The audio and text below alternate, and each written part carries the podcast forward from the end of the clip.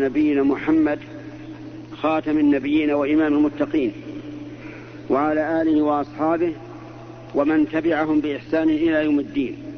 أما بعد فقد استمعنا إلى قراءة إمامنا في صلاة هذا في, في, في صلاة الفجر هذا اليوم. وقد قرأ الأخ. أخبرنا ماذا قرأ. من من سورة الحشر؟ خطأ. استرح قرأ سورة الحشر. ما الفرق بينه من سورة الحشر أو سورة الحشر؟ الحشر كاملة. ومن أحسن بارك الله فيك. أفهمت قرأ سورة الحشر.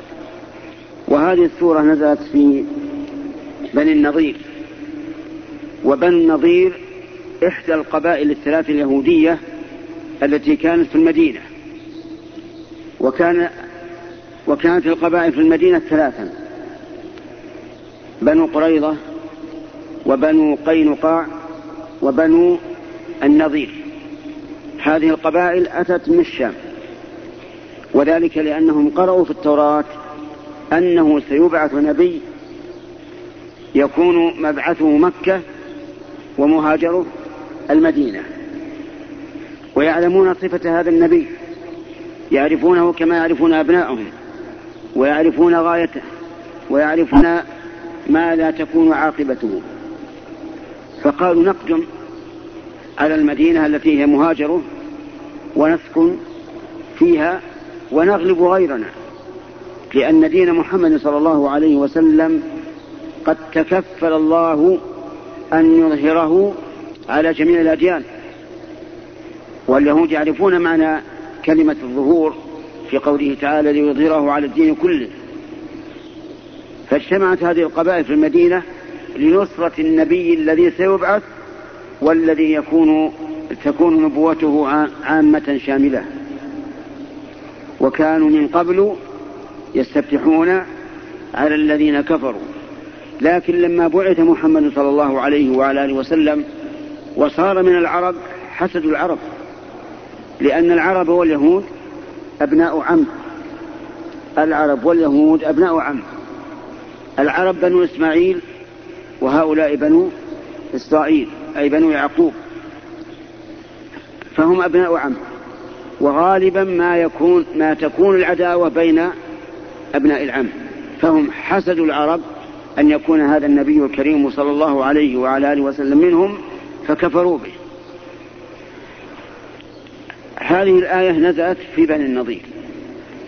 ولما قدم النبي صلى الله عليه وعلى آله وسلم أجرى بينه وبين هؤلاء القبائل عهدا. ولكنهم نكثوا العهد. نكثوا العهد وكانت الذلة على هؤلاء الناكثين للعهد.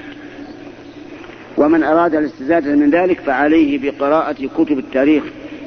وإنني بهذه المناسبة أحث إخواننا على قراءة سيرة النبي صلى الله عليه وعلى آله وسلم لأن قراءة سيرته تزيد في الإيمان به وفي محبته صلى الله عليه وسلم وتكسب الإنسان اقتداء وتأسيا به. لو أننا سألنا الآن عن سيرة النبي صلى الله عليه وسلم كثيرا من طلاب العلم. فضلا عن العامة لوجدت الخلل الكثير. وهذا لأنهم لا يقرؤون سيرة النبي صلى الله عليه وسلم. نتكلم في آه، في هذه الجلسة نتكلم عن بعض ما سمعنا إذ أننا لو ذهبنا نتكلم على السورة كلها لطال بنا الوقت ولكن نتكلم على ما يسر الله عز وجل. من ذلك قوله تعالى للفقراء المهاجرين الذين أخرجوا من ديارهم وأموالهم يبتغون فضلا من الله ورضوانا وينصرون الله ورسوله أولئك هم الصادقون. والذين تبوأوا, والذين تبوأوا الدار والإيمان من قبلهم يحبون من هاجر إليهم ولا يجدون في صدورهم حاجة مما أوتوا ويؤثرون على أنفسهم ولو كان بهم خصاصة ومن يوق شح نفسه فأولئك هم المفلحون. والذين جاءوا من بعدهم يقولون ربنا اغفر لنا ولإخواننا الذين سبقونا بالإيمان ولا تجعل في قلوبنا غلا للذين آمنوا ربنا إنك رؤوف رحيم. هؤلاء ثلاثة أصناف من الناس المهاجرون والأنصار والذين اتبعوهم بإحسان. ونظير هذه الآية من هذا الوجه. قوله تبارك وتعالى والسابقون الأولون من المهاجرين والأنصار والذين اتبعوهم بإحسان رضي الله عنهم ورضوا عنه. فأصناف هذه الأمة ثلاثة الصنف الأول المهاجرون والثاني الأنصار والثالث المتبعون. أما المهاجرون فهم الذين هاجروا ديارهم وأموالهم وأهليهم هاجروا إلى الله ورسوله. وذلك أن النبي صلى الله عليه وعلى آله وسلم بعث في مكة كما هو معروف ودعا إلى الله واستمر في الدعوة وخرج إلى أهل الطائف ودعاهم ولكن كثيرا منهم لم يؤمنوا به. فأذن الله له أن يهاجر إلى المدينة. فهاجر إلى المدينة فوجد أناسا نصروه وواسوه وحموه مما يحمون منه أبناءهم وهم الذين تبوأوا الدار والإيمان من قبلهم ولا شك أن المهاجرين أفضل من الأنصار لأن المهاجرين جمعوا بين أمرين بين الهجرة والنصرة.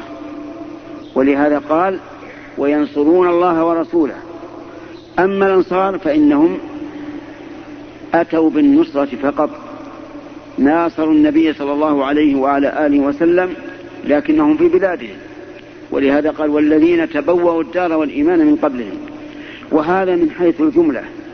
وإلا فقد يوجد واحد مثلا من الأنصار أفضل من واحد من المهاجرين. لكن من حيث الجملة المهاجرون أفضل. الذين اتبعوهم بإحسان هم الذين سلكوا طريقتهم. سلكوا طريقتهم في الإيمان في العمل الصالح في الجهاد في كل شؤون الدين. وكذلك أيضا في الأخلاق هؤلاء الذين جاءوا من بعدهم هم الذين اتبعوهم بإحسان وهم الذين يقرون لهم بالفضيلة والسبق. ماذا يقولون؟ الذين جاءوا من بعدهم ماذا يقولون؟ إيش؟ الذين جاءوا من بعدهم ماذا يقولون؟ تفضل. أي نعم.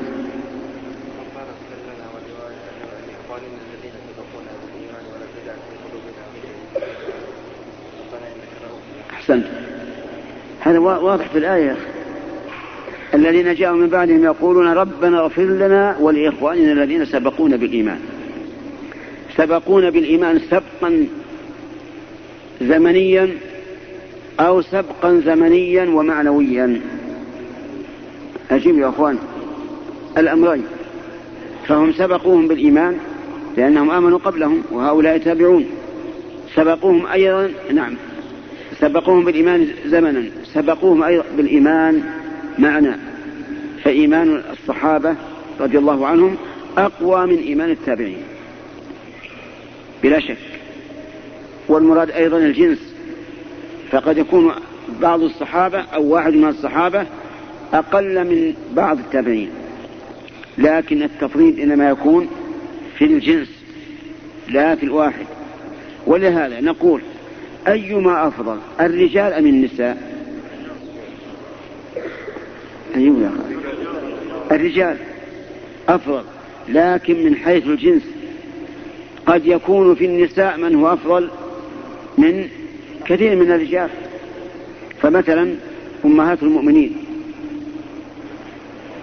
خديجة وعائشة وأم سلمة و... و... وغيرهن.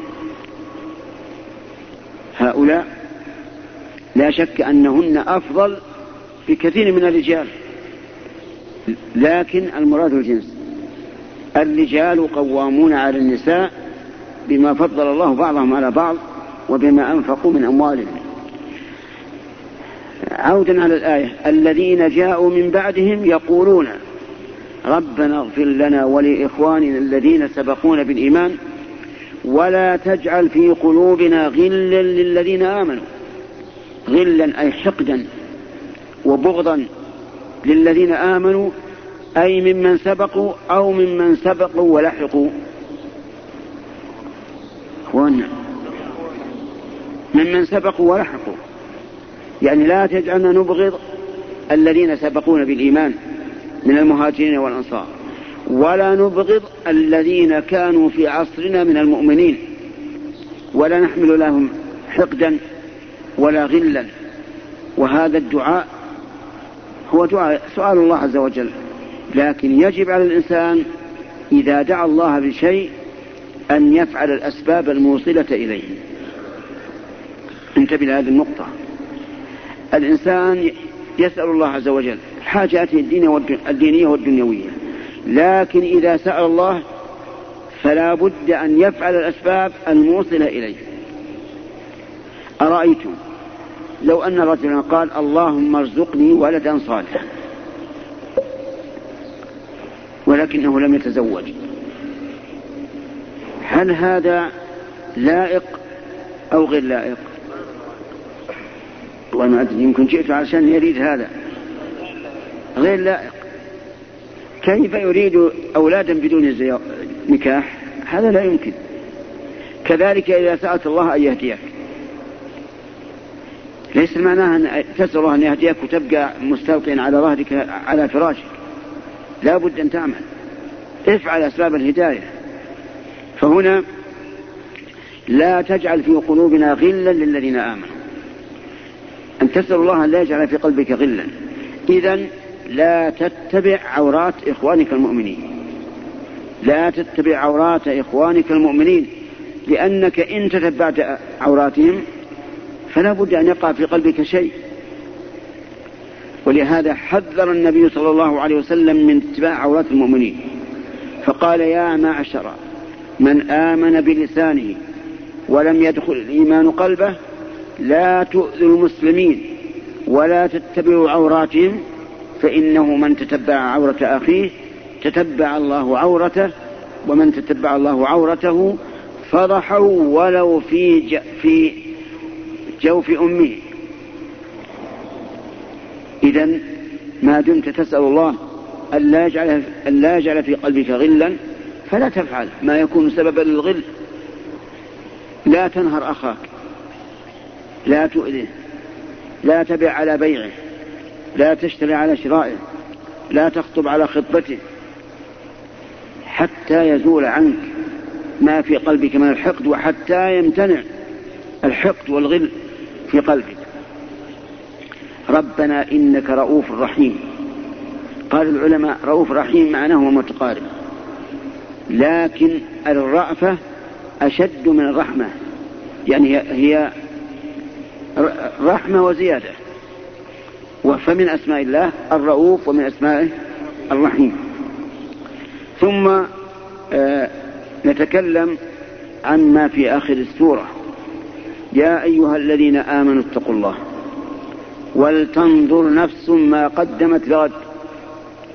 اتقوا الله أمر بالتقوى.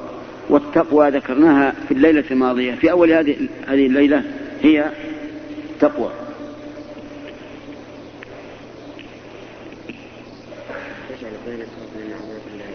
أحسنت. أن تجعل بينك وبين عذاب الله وقاية. فبماذا تكون هذه الوقاية؟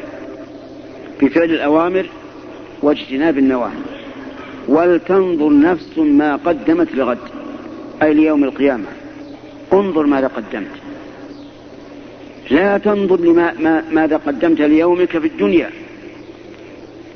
ولكن المهم أن تنظر ما قدمت لنفسك في الآخرة.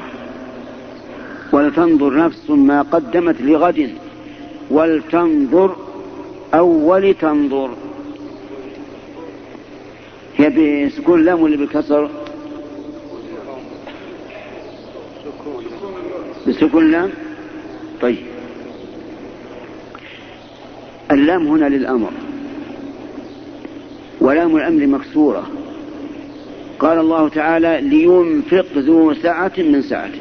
اللام لام الأمر مكسورة. فلماذا سكنت؟ في قوله ولتنظر الجواب لأنها وقعت بعد الواو. ولام الأمر إذا وقعت بعد الواو فإنها تكون مسكنة. الأخ أجب هل نقول ولتنظر ولا نقول ولتنظر؟ ها؟ ولتنظر. لماذا سكناها؟ ولام الأمر مكسورة لا. الظاهر إنك سرحت عنا استرح طيب. لماذا سكناها مع أنها مكسوره الأخ؟ أنت. أي نعم وقعت بعد الواو. بارك الله فيك. وتسكن كذلك إذا وقعت بعد الفاء. وتسكن كذلك إذا وقعت بعد ثم. قال الله تعالى ثم ليقطع أتم فلينظر هل يذهبن كيده ما يغيظ. من كان يظن أن ينصره الله فليمجد بسبب إلى السماء هذه ساكنة لأنها وقعت بعد الفاء ثم ليقطع ساكنة لأنها وقعت بعد ثم ولتنظر ساكنة لأنها وقعت بعد بعد الواو. ليكفروا بما آتيناهم وليتمتعوا وإلا وليتمتعوا.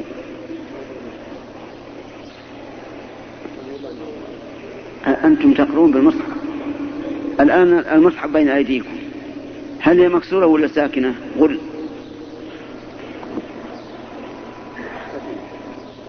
ساكنة. ليكفروا بما آتيناهم وليتمتعوا. مكسورة؟ لماذا كسرت مع أنها بعد الواو؟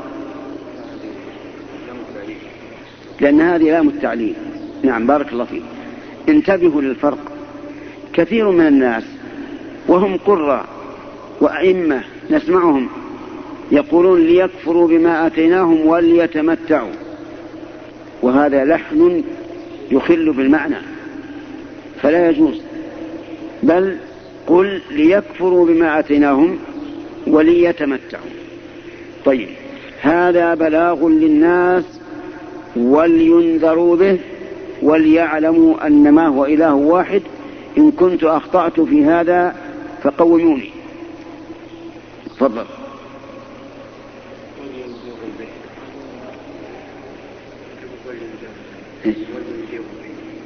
ولينذروا. هذا الصواب. عالج شداء بداء أشد. استرح. من يعرف الصواب؟ تفضل. وليعلم. نعم. ولينذروا به وليعلموا. لماذا؟ وهي وقعت بعد الواو. لأن هذه لام التعليل. استرح إذا اعرفوا الفرق بين لام التعليل ولام الأمر واعلم أنك إذا وضعت لام التعليل في مكان لام الأمر أو بالعكس فإنك لحنت لحنا إيش؟ يحيل بالمعنى. يحيل المعنى. يا أيها الذين آمنوا اتقوا الله ولتنظر نفس ما قدمت لغد. أي ليوم القيامة. فإن قال قائل كيف قال الرب عز وجل لغد؟ مع أنه بعيد. قلنا إنه, إنه قد يراد بالغد ما بعد يومك ولو بعد. واتقوا الله إن الله خبير بما تعملون ولا تكونوا كالذين نسوا الله. فأنساهم أنفسهم. نسوا الله أي تركوه فأنساهم أنفسهم أي جعلهم لا يقومون بمصالحهم. ولهذا أشد الناس ضياعا للوقت هم الذين يعصون الله. لا تجد أحدا خاسرا في وقته خسارة شديدة إلا من إيه من عصى الله. قال الله تعالى ولا تطع من أغفلنا قلبه عن ذكرنا واتبع هواه وكان أمره إيه فرطة ضائع ضائعا اللهم أحي قلوبنا بذكرك. اللهم أحي قلوبنا بذكرك. اللهم أحي قلوبنا بذكرك. ولا تكونوا كالذين نسوا الله أي تركوا طاعته. فأنساهم أنفسهم أي جعلهم ينسون مصالحهم. أولئك هم الفاسقون. الفاسقون الخارجون عن طاعة الله. ومنه قوله فسقت الثمرة إذا خرجت عن قشرها وبرزت فالفسق هو الخروج عن الطاعة. لا يستوي أصحاب النار وأصحاب الجنة. يعني لا يتساوون. الفرق أصحاب الجنة هم الفائزون يعني وأصحاب النار هم الخاسرون ولا شك في هذا. أصحاب الجنة هم الفائزون الذين فازوا بأعمالهم الصالحة والفوز هو حصول المطلوب وزوال المكروه عكس أصحاب النار. فإذا كان الله تعالى نفى التساوي بين أصحاب النار وأصحاب الجنة فهذا يعني أنه يجب علينا أن نتبع من؟ أصحاب الجنة. يا أخي إن الله تعالى لم يخبرك بأنه لا يستوي أصحاب النار وأصحاب الجنة لتعلم هذا الخبر. ولكن لتحمل نفسك ولكن لتحمل نفسك على أن تقوم بالعمل الصالح الذي يجعلك من أهل الجنة. انتبهوا لهذه النقطة. هل أراد الله منا لما قال لا يستوي أصحاب النار وأصحاب الجنة أن نعلم أنهم لا يتساوون؟ أو أراد منا شيئا آخر أهم وهو أن نعمل بعمل أهل الجنة. وما ذاك على الله بعزيز وليس علينا بصعب إذا يسره الله عز وجل. لو أنزلنا هذا القرآن على جبل لرأيته خاشعا متصدعا من خشية الله. لو أنزلنا هذا القرآن أي قرآن هو؟ أسألكم. قرآن قريب. هذا القرآن هذا اسم إشارة. يشار بها للقريب. لو أنزلنا هذا القرآن الذي بين أيديكم على جبل وهو الأصم الصلب الصعب لرأيته أي لرأيت الجبل خاشعا متصدعا من خشية الله هامدا يتصدع من خشية الله عز وجل. وذلك لعظم ما أنزل عليه وهو القرآن. أما لو رأى الجبل رب العزة والجلال فماذا يكون؟ يكون دكا. ولهذا لما قال موسى صلى الله عليه وعلى آله صلى الله عليه وعلى إخوانه من المرسلين لما قال رب أرني أنظر إليك. بشدة اشتياقه إلى الله عز وجل ومحبته له قال انظر إلى الجبل. اقرأ الآية. نعم قم بارك الله فيك. نعم. ما تعرف. هل قلبك حاضر أو غافل طيب موسى عليه الصلاة والسلام ربه أن ينظر إليه. قال ربي أرني أنظر إليك. قال لن تراني. لا يمكن. ولكن انظر إلى الجبل فإن استقر مكانه فسوف تراني. فلما تجلى ربه للجبل جعله دكا. إن دك الجبل الأصم الأشد. كيف عاد بنو آدم؟ إذا كان هذا الجبل لم لم يستقر لرؤية الله عز وجل فكيف ببني آدم؟ ولهذا قال جعله دكا فلما رأى موسى هذا الأمر هاله وخر موسى صاعقا. صعق من هول ما رأى. فلما أفاق قال سبحانك تبت إليك وأنا أول المؤمنين. وهذا لا ينافي ما ثبت بالقرآن والسنة وإجماع السلف على أن الله تعالى يرى يوم القيامة. فإنه يرى لا شك. دل على هذا كتاب الله وسنة رسوله صلى الله عليه وعلى آله وسلم وإجماع الصحابة. أن الله في القيامة يرى رؤية حقيقية بالعين. ولكن إذا رؤي بالعين هل يدركه الإنسان إذا رآه؟ أجيب يا أخي لا يدركه. نحن الآن نرى الشمس هل ندركها بأعيننا؟ لا. بل إنك ترى الإنسان نفسه لا تستطيع أن تدركه أن تدرك ملامحه كلها أبدا.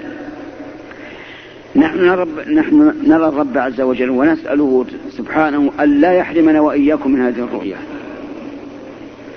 يوم القيامة لكن لا ندركه. ولهذا يعطي الله الناس يوم القيامة قوة فائقة. لا يتصورها الإنسان. أدنى أهل الجنة منزلة من يرى ملكه مسيرة ألفي عام ألفين سنة. يرى أقصاه كما يرى أدناه.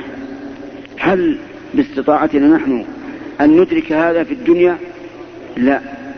إذا الآخرة أحوالها أحوال أخرى. فالناس يوم القيامة يرون الله عز وجل لكن لا يدركونه لأن الله قال لا تدرك الأبصار وهو يدرك الأبصار. القرآن لو نزل على جبل لاندك الجبل. لرأيته خاشعا متصدع من خشية الله.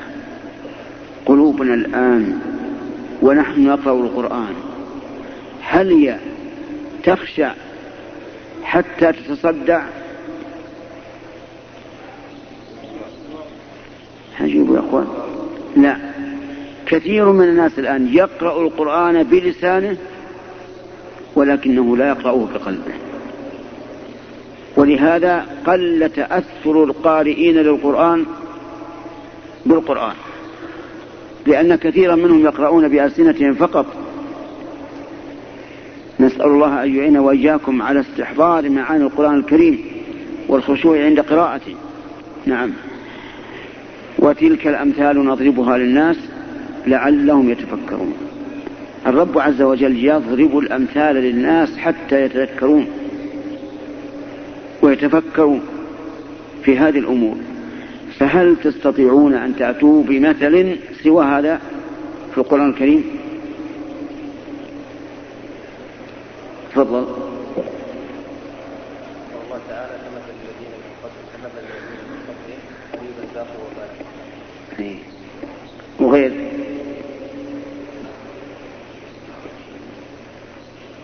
تفضل قال تعالى مثلا كمثل الذي استوقد نارا فلما اضاءت ما حوله ذهب الله بنورهم فتركهم في ظلمات الليل احسنت مثلهم كمثل الذي استوقد نارا أي طلب من غيره أن يوقد النار. إلى آخر المثل.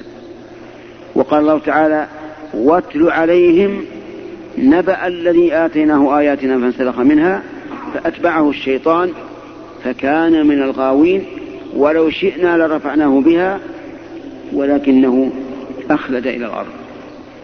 فمثله كمثل الكلب. إن تحمل عليه يلهث أو تتركه يلهث. وقال الله تبارك وتعالى في اليهود مثل الذين حملوا التوراة ثم لم يحملوها إيش؟ كمثل الحمار يحمل أثقالا. فالله تبارك وتعالى يبين الأمور المعقولة بالأمور المحسوسة وهذا تقريب للمعاني. ألم, ألم تعلموا أن الله تعالى ضرب مثلا للبعث بالمطر ينزل على الأرض وهي هامدة فإذا هي خضراء. ألم تر أن الله أنزل من السماء ماء فتصبح الأرض مخضرة؟ وقال الله تبارك وتعالى ومن آياته أنك ترى الأرض خاشعة. يعني هامدة ما فيها نبات. فإذا أنزلنا عليها الماء اهتزت وربت إن الذي أحياها لمحيي الموتى إنه على كل شيء قدير. المهم أن ضرب الأمثال من طريقة القرآن لأنها تقرب إيش؟ المعاني. إذ أن تصور الإنسان للأمور المحسوسة أقرب من تصوره للأمور المعقولة فلهذا يذكر الله تعالى الأمثال ليقرب للناس المعاني المعقولة. ثم قال هو الله الذي لا إله إلا هو الملك القدوس إلى آخره. كم في هذه الآيات من أسماء الله؟ فكر.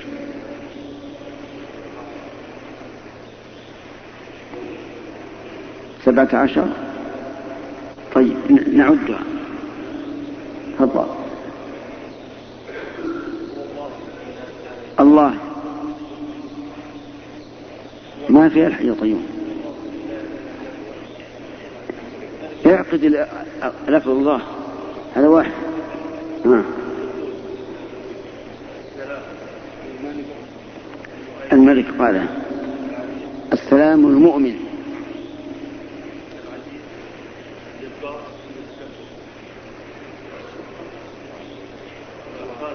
نعم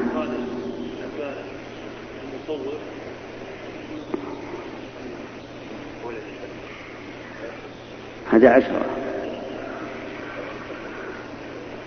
عشرة نطالبك بسبعة. استرح من من يدركها؟ تفضل. ها؟ طيب نعد نعم. الرحمن. الرحيم.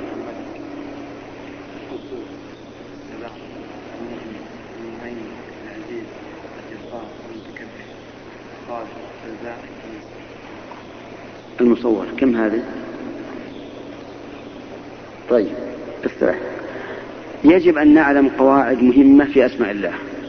أولا أسماء الله تبارك وتعالى أعلام وأوصاف. أعلام وأوصاف. العلم ما يعين المسمى والوصف معنى زائد على التعيين. فمثلا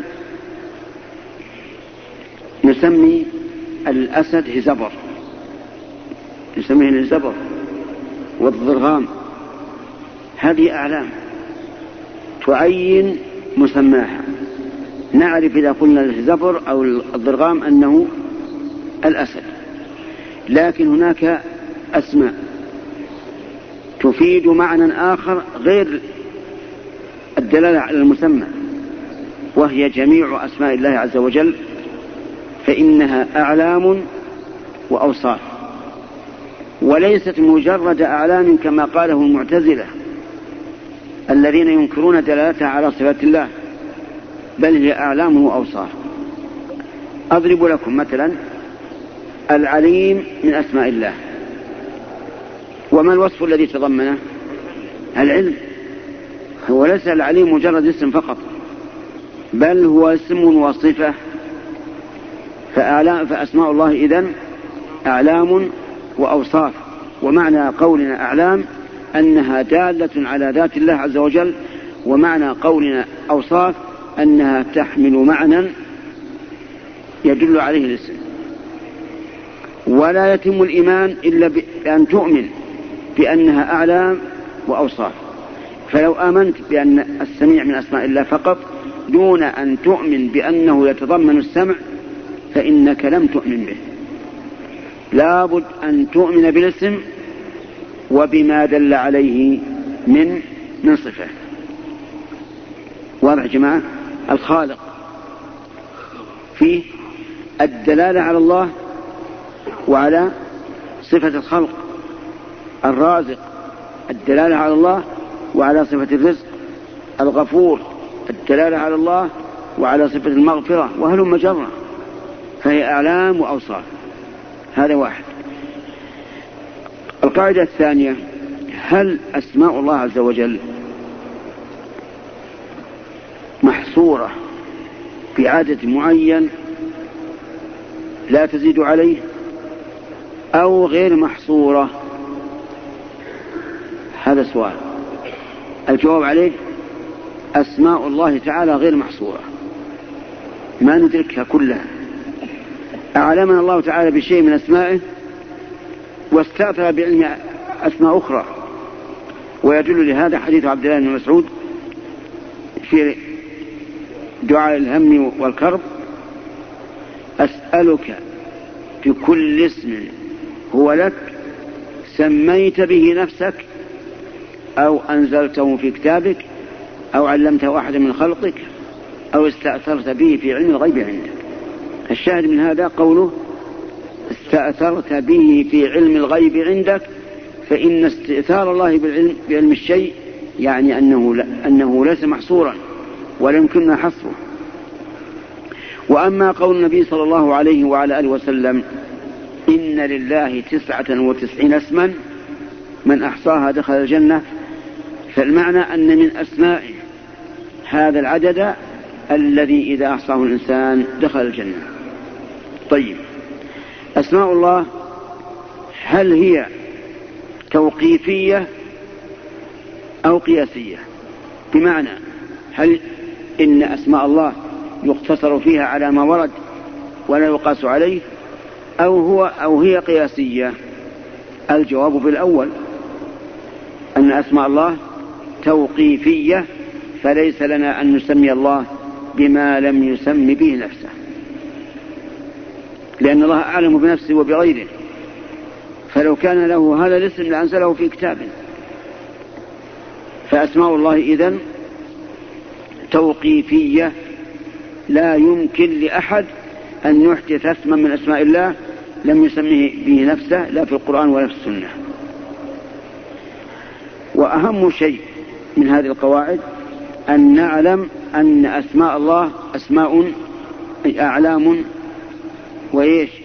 وأوصاف. طيب نبدأ بما تيسر من الكلام على هذه الأسماء الموجودة في آخر سورة الحشر. هو الله الذي لا إله إلا هو. الله هو أصل أصل الأسماء. وأعمها وأشملها. ولهذا تجد السنة جاءت به قال الله تعالى قال الله تعالى قال الله تعالى استبدل بعض الناس عنها بكلمة قال الحق. ولا شك أن الله هو الحق المبين. لكن لماذا نعدل عن طريق السلف؟ قال الله تعالى نأتي بقال الحق. دلالة الله أي هذا الاسم على الرب عز وجل أبلغ في القلوب من دلالة الحق لأن فيها الألوهية. التي هي العبادة. أما الحق ففيها أن الله هو الحق الثابت الحقيقة الذي لا شك فيه لكنه ليس كدلالة الله على العبادة. المهم أن التعبير في قال الله أحسن من التعبير في قال الحق.